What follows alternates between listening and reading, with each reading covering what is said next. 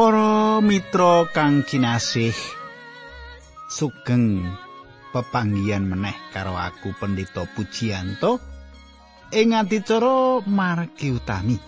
Pangajapku bandung aku kanggo panjenengan kabeh supaya panjenengan tansah kinantinaning Gusti lubering karahayen tinebihna ing sambikala. Mengkono dongaku sak kanca saka batu lan panjenengan pirsa margi utami. Sawijining adicara kang diaturake panjenengan kang mirunggan remen gegilut utawa sinau isining kitab suci. Mirunggan kagem panjenengan sing remen gegilut sinau isining kitab suci. Adicara iki tak gawe jangkep runtut tur prasaja manut urutane ayat lan pasal saka kitab suci tumrap panjenengan sing lagi wae ngrungokake adicara iki. Andarane mratelake mesaben ayat kala-kala kanthi nyambungake nggayutake karo panemune ilmu kasunyatan sarta kahanan urip pedinan panjenengan lan aku utamane ing analisa-analisa rohani. Nah katangku ayo nyerak ing kini bebarengan karo aku supaya karohanen panjenengan kaisi saka pangandikane Gusti. Sugeng midhangetake adicara iki.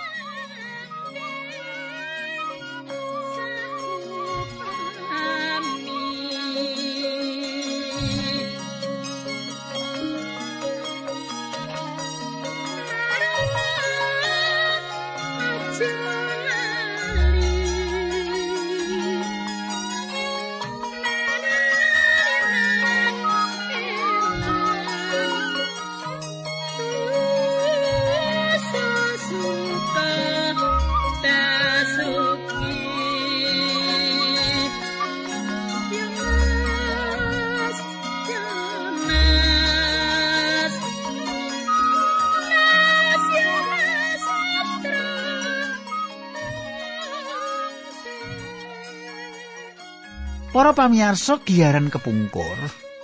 Tak jaluk panjenengan isih kemutan.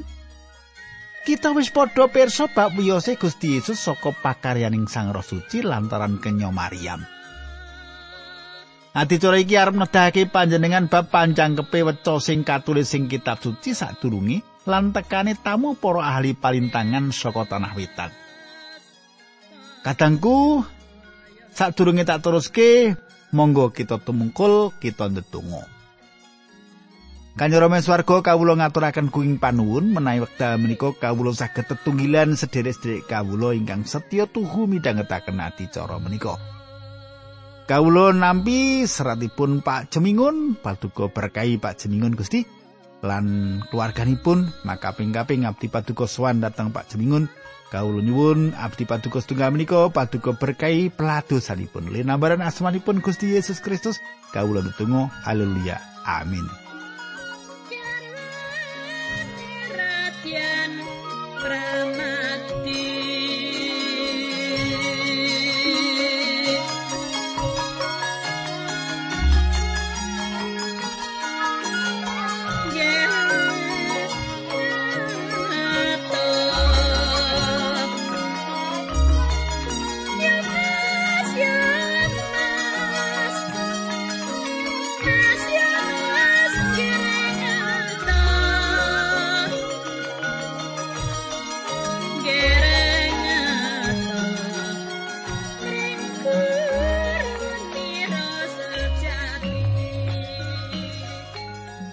Para pamirsa, perlu panjenengan pirsa adicara iki metik saka lelakon sejarah utawa babat sing ngemu lelakon-lelakon gedhe sing wis dibuktekake lan wigati sing perlu kita mangerteni.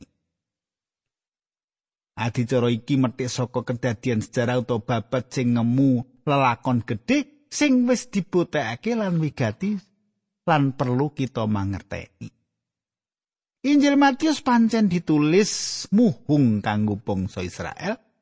Ora kaya Injil liyane sing ditujokake manut kahanane bangsa lan golongan mau. Injil Matius iki ditulis kanggo bangsa Israel sing wis nduweni agama. Injil Matius ditulis kanggo ngenepi patang weca saka perjanjian lawas sing wis ditulis sadurunge yaiku bab wiyose Sang Kristus. Pancen akeh para ahli sing padha takon ing sadroning batin, apa iya weca mau bisa digenepi, bisa dibuktekake. Kaya-kaya mokal bisane kedadian.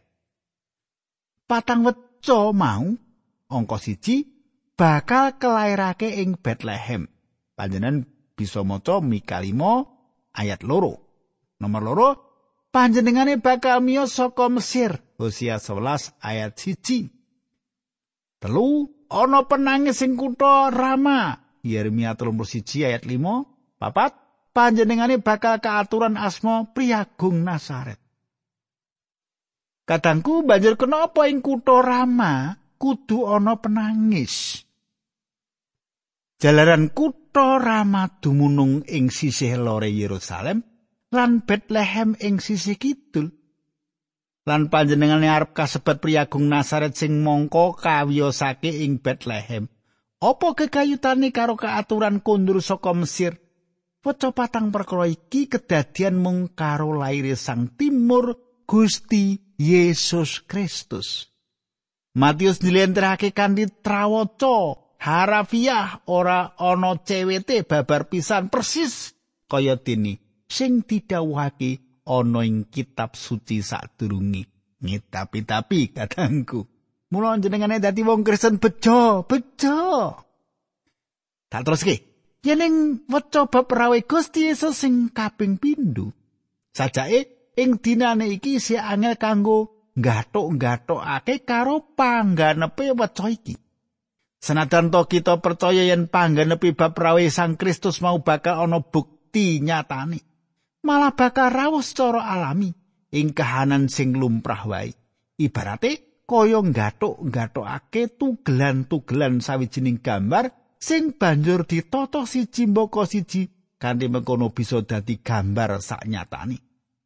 Bab iki bisa kanthi cetha kita uningane yen besok kita wis ana ngarsani. Banjur bisa ndeleng pangganepe kaya dene pangganepe weca bab wiyose Sang Kristus. Matius loro ayat siji. Kutha panggonane Gusti Yesus miyos mau arane Bethlehem, dununge ing tanah Yudea. Nalika semono sing jumeneng raja ing tanah Yudea Sang Prabu Herodes, ing kono ana ahli palintangan sawetara saka tanah wetan padha teka ing kutha Yerusalem. ayat sing tak waca mau wis dadi catetane sejarah bab tekane tamu ahli palintangan ing tanah Israel saka tanah wetan. Nalika semono, jaman pemerintahannya Raja Herodes. Jaman pemerintahannya Raja Herodes. Ya mesti tekane para ahli palintangan iki ora ndadekake seneng atine Herodes sing pancen ora gelem dipadani sapa wae. dibandingi sapa wae apa maneh kok nganti dikembari emoh ing palintangan sawetara saka terawitan padha teka ing kutha Yerusalem. Katangku apa bener apa sing ditulis ing Injil Matius iki? Apa panjenengan mung diyakinake bab tekane para ahli palintangan sing disebut wong majus? Saka kartu natal sing panjenengan tampa yen mung jalaran saka kartu natal saja akeh gambar sing ora kaya apa sing sakbeneri coba katerangan-katerangan sing bakal tak aturake iki panjenengan gatekake siji ing sadrone kitab suci ora ngandhakake yen ana wong majus telu ora ana sing bisa ngandhakake bab tatahe wong majus sebab yen mung wong majus telu sing teka ing Yerusalem mesti ora nganti gawe rungak ing masyarakat ing kono. Bingunge masyarakat ing kono. Bisa wae sing teko atusan rombongan saka tanah wetan tumuju Yerusalem. Para ahli palintangan iki padha kumpul nuli rame-rame bebarengan tumuju menyang Yerusalem. Matius loro ayat loro banjur padha takon. Ratunipun tiang Yahudi ingkang nembe miyos menika wonten ing pundi? Margi kula sampun sami sumerep lintangipun wonten ing sisih wetan lan anggen kula dhateng mriki menika sami badhe saos bekti dhateng panjenenganipun. Mitraku, rombongan iki lagi goleki ing ngendi sang raja sing dibabarake. Lah ya perkara iki sing ganggu atine Herodes sebab ana kabar yen sang raja wis lair ing Yerusalem. Pangandikane Gusti, margi kula sampun sami semerep lintangipun wonten ing sisih wetan. Kadangku, ing keguritan lintang iki asrih kawastani lintang wetan. Ing keguritan lintang iki asring kawastani lintang wetan. Senajan lintang iki jenenge lintang wetan, nanging manggon ing sakulone negarane para wong Majus. Yen diarani manggon ing wetan, kaya jenenge, lintang iku bakal mapan ing sandhuwuring langit India lan kiwa tengene. Nanging lintang iki terus mlaku mengulon sing dietutake dening para wong Majus nganti tekan tanah Israel. Dadi lintang iki yen manut panggonane kudune dadi lintang kulon. Banjur apa sesambungane antarané katon lintang dan lairi sang raja? Lan banjur kepriye bisa ngira-ira yen lairi sang raja mau ana Israel? Pancen ing wilayah mapane para majus mau ana sawijining weca sing diunakake Biliam, weca mau kanggo bangsa Israel. Wilangan 24 ayat 17. Ndak deleng Israel ing besuke ana raja saka Israel. Utawa Yakub miyose kaya lintang muncule padang cahyani panggedene bangsa Moab ditelokake bangsa Set dikalahake. Mitraku, panjenengan waspadake yen lintang iki bakal miyos saka bangsa tedhake Yakub utawa Israel. Lintang lan tekene panguwasa bakal teka sairing bebarengan. Weca iki siji-sijine weca sing nelakake lintang lan tekene panguwasa bebarengan. Mula para majus mau banjur leladengan teka tlatah wetan. Mengulon goleki sang raja sing lagi miyos. Lelandengane para wong majus iki sing dadi osi ing Yerusalem. Goreng Yerusalem lan nuwake paran pitakonan. Tumrap Herodes jalaran saka rasa kuwatire. Yerusalem dalah Herodes pisan dadi kirisati jalaran tekane para wong majus mau. Kira-kira wae utusan para wong majus iki sing padha teka ing Yerusalem. Panjenan gatekke Matius loro ayat telu. Bareng krungu sing mengkono mau sang Prabu Herodes kaget banget semono wong sak kutha Yerusalem ya padha kaget. Mitraku, Raja Herodes banget kadudut atine jalaran kuatir. Kepengen enggal-enggal ketemu karo para majus mau. Dasar Herodes Agung iki wonge pracaya bab takayul. Keluarga Herodes taler idumian iki para luhure kabeh padha duweni sifat bajingan. Mula Herodes uga kaya mengkono sipate. Herodes ora ana sesambungane bangsa Israel sataler-talere pisan. Mula Raja Herodes adreng gone kepengin ngerti panggonane raja sing lagi lair iku. Sebab Herodes rumangsa yen bakal dimungsuhi. Matius loro ayat papat. Sang Prabu banjur utusan ngumpulake para pengareping imam lan para ahli Taurat banjur padha didangu. Sang Kristus kuwi bakal miyos ana ing ngendi? Ukarane Herodes marang para ahli Taurat iki ora mung pitakon, nanging pandesek supaya enggal-enggal nuduhake papane raja sing lahir. Bisa uga Herodes kondong ini, aku wis ngerti yen kowe kabeh padha duwe buku primbon, buku ramalan, sing ngerti ing ngendi papane lair juru wilujeng ing besuke. Ayo, neng ngendi laire? Luar biasa para ahli Taurat bisa njawab pitakon lan pandheseke Herodes. Matius loro ayat 5. Wangsulane sing padha didangu wonten ing kitha Bethlehem ing tanah Yudea kados ingkang sampun kasrat dening nabi mekaten. Ayat 6. Kue kutha Bethlehem ing tanah Yehuda. Kue babar pisan dudu kutha sing remeh dhewe ing antaraning kutha-kutha ing Yehuda. Awit saka ing kowe bakal miyos panuntun kang bakal ngengon umatku Israel. Katangku Nalika Prabu Herodes mau takon lan ndesek para ahli Taurat wis ora kangilan meneh kanggo ngolah alik buku Taurat. Sebab bab mau wis padha dimangerteni sing kacakep ing buku Mika 5 ayat loro. Sing wis padha dingerteni lan apal isine. Para ahli Taurat pancen banget nggone gati ngenani kapan rawi Sang Mesias, mula bab isine buku Mika wis padha dingerteni. Nanging kabeh mau tumrap para ahli Taurat ora nganti gawe owahing urip padinani. Aja kaya sabene wae. Wah, umpamane. Umpamane para ahli Taurat iku bebarengan karo wong-wong majus golek sang raja sing lagi miyos, wa akibate enggal bisa dirasake. tegese bisa inggal ketemu. Nanging lintang sing sumenari ku luwih ngiyakinake para wong majus mau lan terus ngetut buri. Apa ya ing jaman saiki ana wong-wong sing nganti anti rawi Gusti Yesus? Kita wis sinau bab saka kitab suci. Lan nyoba nimbang-nimbang kahanan sing cocok karo weca mau. Apa ya isih ana pepinginan kanggo ketemu panjenengane sang juru wilujeng iku upamane panjenengane rawuh dina iki ing cedhak panjenengan ing dalem apa ing papan penggawean panjenengan? Apa kira-kira panjenengane uga bakal kersa bebarengan makarya karo panjenengan? Apa panjenengan matur marang Gusti Yesus ya rawuh dhisik merga durung siap? Yen Herodes nggone ngerti bab miose sang raja saka para majus Matius 2 Sawise oleh keterangan mengkono Sang Prabu Herodes banjur utusan nimbali para ahli palintangan saka tanah wetan mau kanthi dedemitan. Sang Prabu banjur ndangu kelawan teliti kapan sanyatan lintang kuwi oleh wiwit katon. Kadangku, ayo kita teliti maneh kahanane lintang sumenar iki mau. Lintang sumenar mau katon sadurunge para majus mau duwe krentek ngetut lakune kanthi nunggang unta. Ya mesti wae lelungan iki merlake wektu sing suwe, bisa uga lintang sunar mau wis katon sawetara wektu sadurunge padha giyak-giyak lunga mangulon nututi lakune lan bisa nganti setahun lawase sumunare lintang mau ing langit.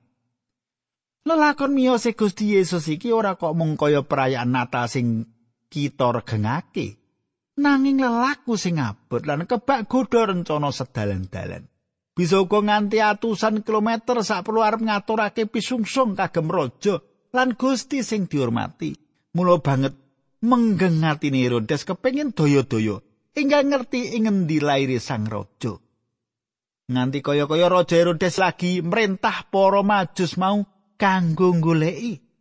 Matius loro ayat 8. Sawise kuwi para ahli palintangan mau kadawan mangkat menyang kutha Bethlehem. Karo diweling mengkene.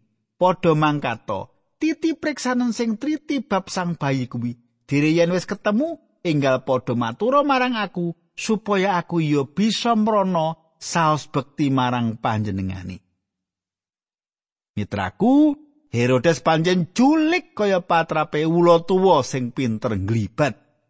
Ing batin kanthi ketem-ketem eh yen tau ketemu raja sing lagi lain iki mesti digalak. Singkira kita pateni Tetengku, wong julik rak ngono. Ya. Cangkeme guyu-guyu, mesem-mesem, batine ngontok. nah, katangku Herodes ngirim prajurit sing tangguh supaya pegawean inggah rampung. Nanging yen lelakon pancen kaya ngono mesti dening para kawulane sang raja sing lagi miyos iki mesti didelekake kanthi permati.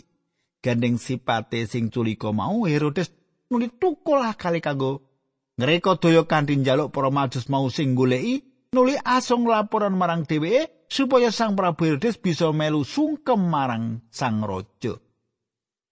Coba panjenengan kateke Matius loro songo. Sawise nampani dawuh sang Prabu Herodes mau para ahli palintangan banjur padha mangkat. Sadurunge padha mlaku lintang sing maune padha dideleng ana ing wetan kuwi katon meneh. Lintang kuwi ndisi lakune banjur mandek ana ing sak ndhuwuri padunungane sang bayi. Bareng weruh lintang mau ayat 10, bareng weruh lintang mau para ahli palintangan padha bungah banget. Mitraku, lintang iku wis ndisi lakune para majus nuntun menyang sawijining panggonan. Lintang sumunar sing dadi panuntun iki sawijining lintang sing ngidap-idapi. Sawijining lintang sing ora sak baine. supranatural ajaib ngiram-iramake iki sepindah maneh sawijining pangiram-iram lan ora perlu meneh dadi diskusi kita malah ana ahli sing ngandhakake yen kahanan nalika iku ana sawijining lelakon ing langit sing kaya-kaya ngirimake lintang sumunar mau menehi pracihna marang manungsa ing bumi kanthi mengkono ing langit lan ing bumi padha-padha nguntapake rawe sang raja. Matius loro ayat 11 tumuli padha mlebu ing omah lan ing kono padha weruh sang putra karo Maryam ibune. Banjur padha sujud lan nyembah marang sang putra. Sawise mengkono para ahli palintangan mau banjur padha mbukai petine raja Brono lan nyaosake pisungsung marang sang bayi arupa mas menyan lan blendok mur. Kadangku wong-wong majus mau padha suwan marang Gusti Yesus ing sawijining omah. Ora ana kandang, wis pindah saka kandang lan wis mapan ing omah. Wong-wong sing padha dicacah jiwa wis padha bali menyang omahe sowang-sowang. Mung Yusuf lan keluargane sing isih ana kono sebab sang timur durung bisa diajak lelungan adoh. Dadi gambaran sing bener yaiku Yusuf nuduhake kandang marang para majus dudu wong-wong maju swan Sang Kristus ing kandang kewan. Nalika para majus ngerti Gusti Yesus lan Maryam ingkang ibu padha sujud lan sumengkem marang panjenengane. Ibu Maryam disembah ya mung ing prastawa iku wae. Para wong majus iki wong sing wicaksana lan para widya, wong pinter, nuli nyembah lan ngaturake bisungsung awujud menyan lan mur. Sesambungan karo apa sing tak aturake mau, ayo kita ndeleng coba perawe kaping pindho mengkoni. Yesaya swidak ayat 6. Onto pirang-pirang bakal teka saka Midian lan saka Eva. Ana uga sing saka Seba. Wong-wong bakal padha nyritakake kabar kabungan bab pakayane Allah. Kadangku, banjur pisungsung apa sing ora bakal kaaturake nalika rawe sing kaping pindho mengkoni? Blendok mur, gene ora. jalaran blendok mur ana sesangkutane ana gegayutane karo bab sedani nalika rawuh sing kaping pindho wis ora ana meneh caturan ngenani sedani. Rawuh sing kapindo mengkoni panjenengane ora sedo meneh kanggo kita. Panjenengane rawuh dadi raja kita lan dadi gusti ning kabeh para manungsa. Kadangku apa panjenengan cetha wela-wela? Apa sing tak aturake iki? Bab miyose Gusti Yesus kepiye panjenengani diwecakake ing kitab perjanjian lawas lan digenepi ana perjanjian anyar lan tak suwun panjenengan saya ngoyot anggone percaya karo Gusti Yesus minangka juru wilujeng awit Gusti Yesus iku kasunyatane apa sing diwecake ing perjanjian lawas. Ayo kita ndedonga. Kanjeng Rama ing swarga kawula ngaturaken gunging panuwun menawi wekdal menika kawula saged sinau bab panggenepanipun pameco saking perjanjian lami. Gusti Yesus menika panggeneping pameco. Matur nuwun sanget Gusti Paduka bikak manah kula ngantos kula pitados dumateng Paduka. Dinambaran asmanipun Gusti Yesus Kristus kawula tunggu haleluya amin.